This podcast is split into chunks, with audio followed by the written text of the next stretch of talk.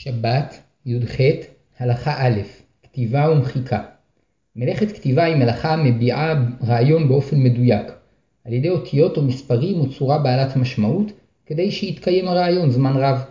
במשכן היו כותבים אותיות על הקרשים, כדי שידעו תמיד איזה קרש צריך להעמיד בצד צפון, ואיזה בצד דרום, איזה ראשון בצד צפון, ואיזה שני, וכך בכל הצדדים. ופעמים שטעו בדבר, ונצטרכו למחוק את האותיות ולכתוב תחתיהן אותיות אחרות, וזוהי מלאכת מוחק, היינו מוחק על מנת לכתוב אותיות אחרות. לכאורה נראה שמלאכת הכתיבה היא מלאכה קלה, שאין בה ממש, אולם באמת היא התשתית לפועלו של האדם. כמה שיהיה חכם ובעל זיכרון, יתקשה לזכור בדייקנות היכן צריך להניח כל קרש במשכן, וכך בכל הדברים המורכבים, אם לא יכתוב אותם, לא יזכרם בדייקנות, ויאבד את היכולת לשחזר את המידע שצבר ואת ההישגים שכבר הגיע אליהם. על ידי הכתיבה, האדם מסוגל להתפתח מבחינה מדעית ולשכלל את חייו. כדי שהמידע יהיה מדויק, צריך לפעמים למחוק אותיות מוטעות, על מנת לכתוב במקומן את האותיות הנכונות.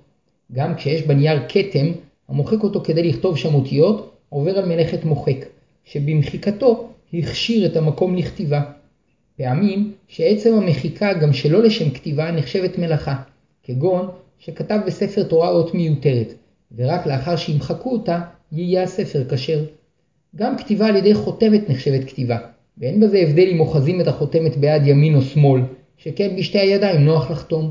וכן הפעלת מכונת הדפסה או מכונת העתקה או שליחת פקס אסורה מהתורה, כיוון שעל ידי הפעולות הללו נכתבות אותיות או צורות בעלות משמעות. וכן אסור להקליד אותיות במחשב, וכן אסור לשומרן בזיכרון, וכן אסור לצלם תמונות או להקליט קולות. אך כיוון שפעולות אלה אינן יוצרות אותיות או צורות יציבות, יש אומרים שהאיסור מדברי חכמים. שבת, י"ח, הלכה ב' גדרי האיסור וההיתרים לצורך פיקוח נפש. חשיבות עקרונית ישנה להגדרה מדויקת של מלאכה. בכל מלאכה. מה אסור מהתורה ומה מדברי חכמים. ויש לכך גם השלכות מעשיות. למשל, כאשר צריכים לכתוב בבית חולים או בצבא לצורך פיקוח נפש, לכתחילה יש למעט באיסור, ולבצע את הכתיבה באופן האסור מדברי חכמים בלבד. נברר תחילה את האסור מהתורה ומדברי חכמים, ולאחר מכן נפרט כיצד לכתוב לצורך פיקוח נפש. הכתיבה שאסרה התורה היא כתיבה כדרכה ביד ימין, אבל הכותב שלא כדרכו ביד שמאל עובר באיסור חכמים. שמאלי שכתב בשמאל עבר באיסור תורה, ואם שינה וכתב בימין עובר, עבר באיסור חכמים. הרגיל לכתוב בשתי ידיו, הכתיבה בשתי ידיו אסורה עליו מן התורה. הכותב כשהוא אוחז את העט בשינוי, כגון בפיו או ברגלו או באחורי ידו, עובר באיסור מדברי חכמים. הכתיבה שאסרה התורה היא כתיבה שמתקיימת לזמן חשוב. לפיכך הכותב בעט או עיפרון על נייר עובר באיסור תורה, אבל הכותב במי פירות שצבעם דוהה תוך זמן קצר, או שכותב בעט על עלה שעומד להתייבש ולהתפורר, או שכותב על ידי קרם או סוכריות, אותיות על עוגה, עובר באיסור חכמים. לדעת רוב ככל הפוסקים, איסור הכתיבה מהתורה חל בכל השפות. ולדעת כמה פוסקים, רק מי שכותב באותיות הכשרות לספר תורה, עובר באיסור תורה. אבל הכותב באותיות אחרות, בלועזית, או בעברית באותיות כתב, כתב עגול, עובר באיסור חכמים בלבד. הנצרך לכתוב לצורך פיקוח נפש, אם אין חשש שהעיכוב יגרום לסכנה, ימעט באיסור, ויכתוב בשינוי ביד שמאל, ואם הוא רגיל לכתוב בשתי ידיו, יאחז את העט בגב ידו, או בין הזרת לקמיצה. לכתחילה יש להשיג עת שבת, היינו עת שהכתב שלו נמחק מתוך, מעצמו תוך מספר ימים, שכתיבתו אסורה מדברי חכמים בלבד. כאשר צריך לכתוב במחשב, כשאפשר נכון להקליד בשינוי, כגון בגב האצבע, או בעזרת כפית וכיוצא בזה, וכן עדיף לכתוב באותיות כתב.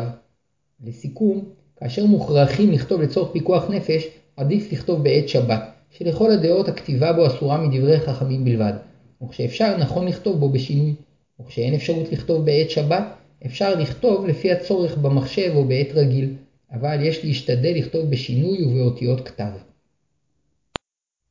שבת, י"ח, הלכה ג' מחיקה וכתיבה כדרך אגב. עוגה שכתבו עליה אותיות על ידי קרם או סוכריות קטנטנות וכיוצא בזה, אסור לחותכה במקום האותיות, וכן אם ציירו עליה צורות בעלות משמעות כמו עץ או בית, אסור לחותכה במקום הצורות. ואף שחיתוך העוגה נעשה לצורך אכילה, כיוון שיש לאותיות ולצורות חשיבות וניכר מאוד שהן נמחקות בעת חיתוך העוגה, יש בזה איסור מדברי חכמים. אבל לחתוך בין האותיות מותר, ואף שעל ידי כך מפרידים את המילה לחלקים, אין איסור מחיקה כאשר האותיות נותרות שלמות. לפיכך, הרוצים להכין עוגה כזו לשבת, יכינו אותה באופן שניתן יהיה לחתוך את פרוסותיה בין האותיות והצורות. ואחר כך יהיה מותר לאכול את הפרוסות, למרות שאכילתן תבטל את האותיות, שהואיל ועוסקים באכילה, אין זה נחשב מוחק.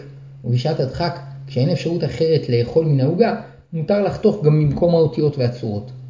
כאשר האותיות או הצורות שעל העוגיות הוטבעו בחומר שממנו עשויות העוגיות, כמו האותיות שבביסקוויטים, אין איסור לחתוך אותן או לשוברן, שהואיל ואין לאותיות אלה חשיבות, אין איסור למוחקן כדרך אגב. יש אומרים שאסור מדברי חכמים להשתמש בספר שכתובות אותיות על חודי הדפים שלו, מפני שבפתיחת הספר מבטלים את האותיות, ובסגירתו מקיימים אותן. למעשה, כשאין ספר אחר, מותר להשתמש בו, מפני שלדעת רבים, קירוב חלקי האות זה אל זה אינו נחשב כתיבה, והרחקתם אינה מחיקה. בנוסף לכך, הואיל והספר נועד לפתיחה וסגירה תמידית, אין פתיחתו וסגירתו נחשבת אפילו ככתיבה ומחיקה ארעית, ואין בה כל איסור. יש אומרים שאסור לפתוח אריזות מאכל באופן שיגרום לקריאת אותיות או ציורים, ורק כאשר יש סיכוי שהאותיות והצורות לא ייקראו, מותר לפותחן בשבת. ויש אומרים שאין בזה שום איסור, מפני שבפועל כל חלקי האותיות נותרו ורק הורחקו זה מזה.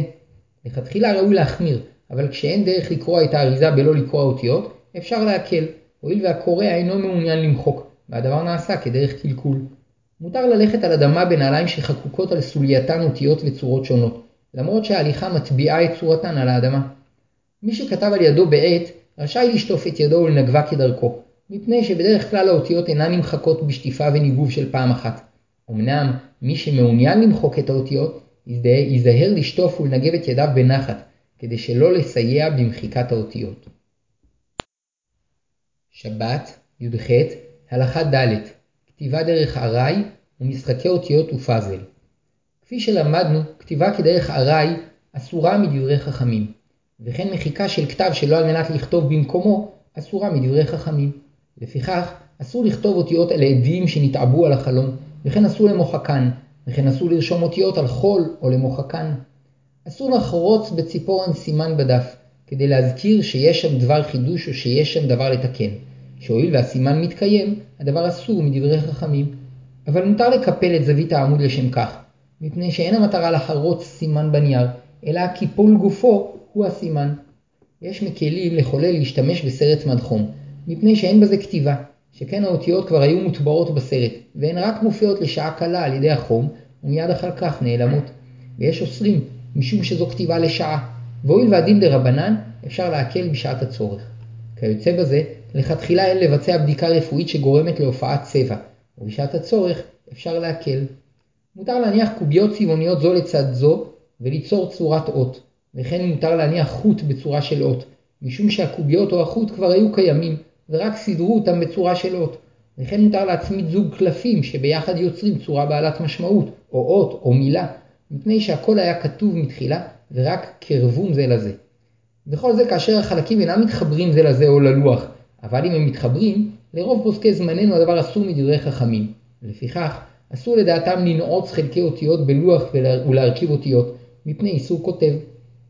וכן אסור להרכיב פאזל, שגם כתיבת צורת, צורות בעלות משמעות אסורה משום כותב. ויש מתירים, הואיל ואין בזה משום, שום כתיבה, שכן הכל כתוב שם מתחילה, ורק מצמידים את האותיות או את חלקי הפאזל זה לזה. אמנם גם לדעה המקילה, אסור לחברם כדי לקובעם כתמונה. למעשה, הרוצים להקל בזה לילדיהם רשאים, אבל למבוגרים נכון להחמיר, שכך היא דעת רוב הפוסקים. וככלל, צריך לדעת שזמן השבת צריך להיות מוקדש לתורה, ולכן יש אומרים שכל המשחקים אסורים בשבת על גדולים. מותר להשתמש במנעול מספרים, מפני שאין בסיבוב המספרים כתיבה, שכן המספרים כבר היו כתובים מתחילה, ורק משנים את מקומם לשעה קלה, כדי שמספר מסוים ייראה והמנעול ייפתח. שבת, י"ח, הלכה ה' מלאכת צובע. מלאכת צובע היא מלאכה שנועדה להוסיף יופי. במשכן היו צובעים את חוטי הצמר שביריות המשכן והפרוכת בצבע תכלת או ארגמן או תולעת שני, אדום כתום. ואף שגם בעת כתיבה צובעים את הדף באותיות, הבדל ישנו ביניהם, שבכתיבה המגמה להביע רעיון, וגם כאשר רושמים צורה מסוימת, כגון בית או עץ, כיוון שהמטרה לבטא רעיון, עוברים על מלאכת כותב. אבל במלאכת צובע אין הכוונה להביע רעיון, אלא לייפות את הדבר שצובעים. לפיכך, הרושם צורה בעלת משמעות על נייר או קיר, עובר על מלאכת כותב, וכאשר יצבע אותה כדי לייפותה, יעבור על מלאכת צובע. לפיכך, אסור מהתורה לצבוע בשבת קירות, ארונות, כלים, בגדים ובגדים, ואין זה משנה באיזה צבע צובעים. כל שהצבע מוסיף יופי, אסור מהתורה. ואף בצבע שקוף שיוצר ברק, אסור לצבוע, מפני שגם ברק נחשב צבע. וגם כאשר הקיר כבר היה צבוע, אסור מהתורה לצובעו בצבע אחר או לחדש את צבעו. וכן אסור מן התורה לצבוע נעליים, ואפילו אם הצבע שקוף, יש בזה איסור תורה, מפני שעל ידו הנעליים יבריקו. ואם עורכים על הנעליים משחה, יש בזה גם איסור ממרח. ופעמים שיש בזה גם איסור מעבד, כאשר חומר הצחצוח משביח את האור. וגם כאשר המשחה נמרחה בערב שבת, אסור לשפשפה כדי שתבריק, מפני שיש בזה תוספת צביעה. אבל אם יש אבק על הנעליים, מותר להסירו בנחת על ידי מטלית. אין איסור צביעה מן התורה אלא כאשר הצבע מתקיים, אבל כאשר הצבע יורד מעצמו לאחר זמן קצר, האיסור מדברי חכמים. מי שנצבעו ידיו מפירות או דם או שאר דברים, לכתחילה ישטוף תחילה את ידיו, ורק אחר כך יקנחן במגבת, כדי שלא יצבע את המגבת. וכן כאשר נשפך מיץ על מפת שולחן, לא יסיר את המיץ תוך שהוא גוררו על המפה, מפני שהוא צובע בזה את המפה. ואף שצביעה זו מלכלכת, יש מחמירים וסוברים שהואיל והיא נעשית על בד שרגילים לצובעו, הרי היא אסורה מדברי חכמים. בשעת הצורך אפשר להקל בכל זה, כי לדעת הרבה פוסקים, כאשר הצביעה בדרך לכלוך אין בה איסור. כאשר מדובר בתחבושת או ממחטת נייר שאין רגילים לצובען כלל, מותר לכתחילה לנקות בהן דם או שאר צבעים, שהואיל והצביעה נעשית כדרך לכלוך על דבר שלא נועד לצביעה כלל, אין בזה איסור. לכל הדעות, אין לחוש למה שהידיים והפה נצבעים בעת שאוכלים תותים ושאר מאכלים שיש בהם צבע, מפני שאין רגילים לצבוע כך את האור, וצביעה זו היא דרך לכלוך. אמנם צביעה לצורך איפור אסורה, כפי שמבואר לעיל. כאשר יש באסלה סבון חיטוי צבעוני, נחלקו הפוסקים אם מותר להוריד מים. יש אומרים שהואילו מעוניינים לצבוע את המים, אף שהצבע לא יישאר זמן רב, הדבר אסור מדברי חכמים. ומנגד, יש אומרים שהואיל ועיקר מטרת הסבון לחיטוי והופעת הצבע נעשית כדרך אגב, מותר להוריד את המים. למעשה, עדיף להשתמש בסבון בלא צבע, אבל מי שנקלע למקום שיש בו סבון צבעוני, רשאי להוריד את המים. והרוצים להקל ולהשתמש בסבון צבעוני, יש להם על מה לסמוך. שבת, י"ח, הלכה ו' מלאכת מפשיט, מעבד, ממחק ומסרטט. ארבע מלאכות קשורות להכנת האור לצורך כתיבה, ואלו הן מפשיט, מעבד, ממחק ומסרטט. בעבר היו רגילים לכתוב גם דברי חול על האור, וכיום רק ספרי תורה, תפילין ומזוזות כותבים על קלף. בנוסף לכך, האור משמש להכנת בגדים, נעליים, תיקים וסיפוי כורסאות. במשכן היו מכינים אורות ליריות המשכן. במלאכת השרטוט השתמשו להכנת מקום הכתיבה על הקרשים. מפשיט, היינו מפשיט את העור מן הבהמה שנשחטה. שתי שכבות יש לעור, השכבה החיצונית נקראת קלף, שעליו כותבים ספרי תורה, תפילין ומזוזות, והשכבה הפנימית נקראת דוכסוסטוס, שעליו מותר לכתוב מזוזות בלבד. גם המפריד את שתי השכבות זו מזו, עובר על תולדה של מלאכת מפשיט. ואף שיש איסור להפשיט עור, מותר להפשיט עור של עוף מבושל, מפני שאין איסור מפשיט בבשר שראוי לאכילה. מעבד, היינו נותן את העור בסיד או במלח או בחומר אחר ששואב ממנו את כל המיצים והחומצות, ועל ידי כך העור יכול להתקיים מאות שנים. וכל פעולה שמכשירה את העור לשימוש בכלל מלאכה זו. לפיכך אסור לדרוס על העור כדי לעשותו קשה, וכן אסור לרככו בידיים, וכן אסור לסוך אותו בשמן כדי לעשותו רך וגמיש. לעיל התבאר דין עיבוד במאכלים. ממחק, היינו מחליק את פני העור על ידי הסרת השערות והגבשושיות שעליו. בכלל מלאכה זו, כל החלקה של משטח מחוספס כדוגמת עצים ואבנים על ידי נייר זכוכית או פצירה. וכן אסור לשפשף כלי כסף בחומר שמחליק את פניו. וכן אסור לשייף כלי מתכת בצמר פלדה. וכן אסור להשחיז סכין. במלאכת ממחק יש תולדה שהיא ממרח, שעניינה מריחת חומר והחלקתו באופן שווה, וכן מריחת חומר על גוף אחר כדי להחליקו. לפיכך, הממרח משחה על רטייה עובר באיסור תורה, וכן אסור למרוח משחה וקרם על הגוף, כמבואר לעיל, וכן אסור לצחצח נעליים במשחה. וגם בלא משחה אסור לשפשף את עור הנעליים כדי להבריקן. לעיל התבאר שלדעת רוב הפוסקים אין דין ממחק במאכלים. מסרטט, היינו מסמן שורות כדי ליישר את הכתיבה. גם מי שמסרטט קו ישר על אור או עץ או אבן כדי לסמן את המקום שבו צריכים לחתוך אותו, עובר על מלאכה זו. ואין איסור לשרטט בעזרת סכין קווים על עוגה או קליפת תפוז כדי לדייק בחיתוכן, שהואיל ואין איסור מחתך במאכלים, אין בהם גם איסור מסרטט.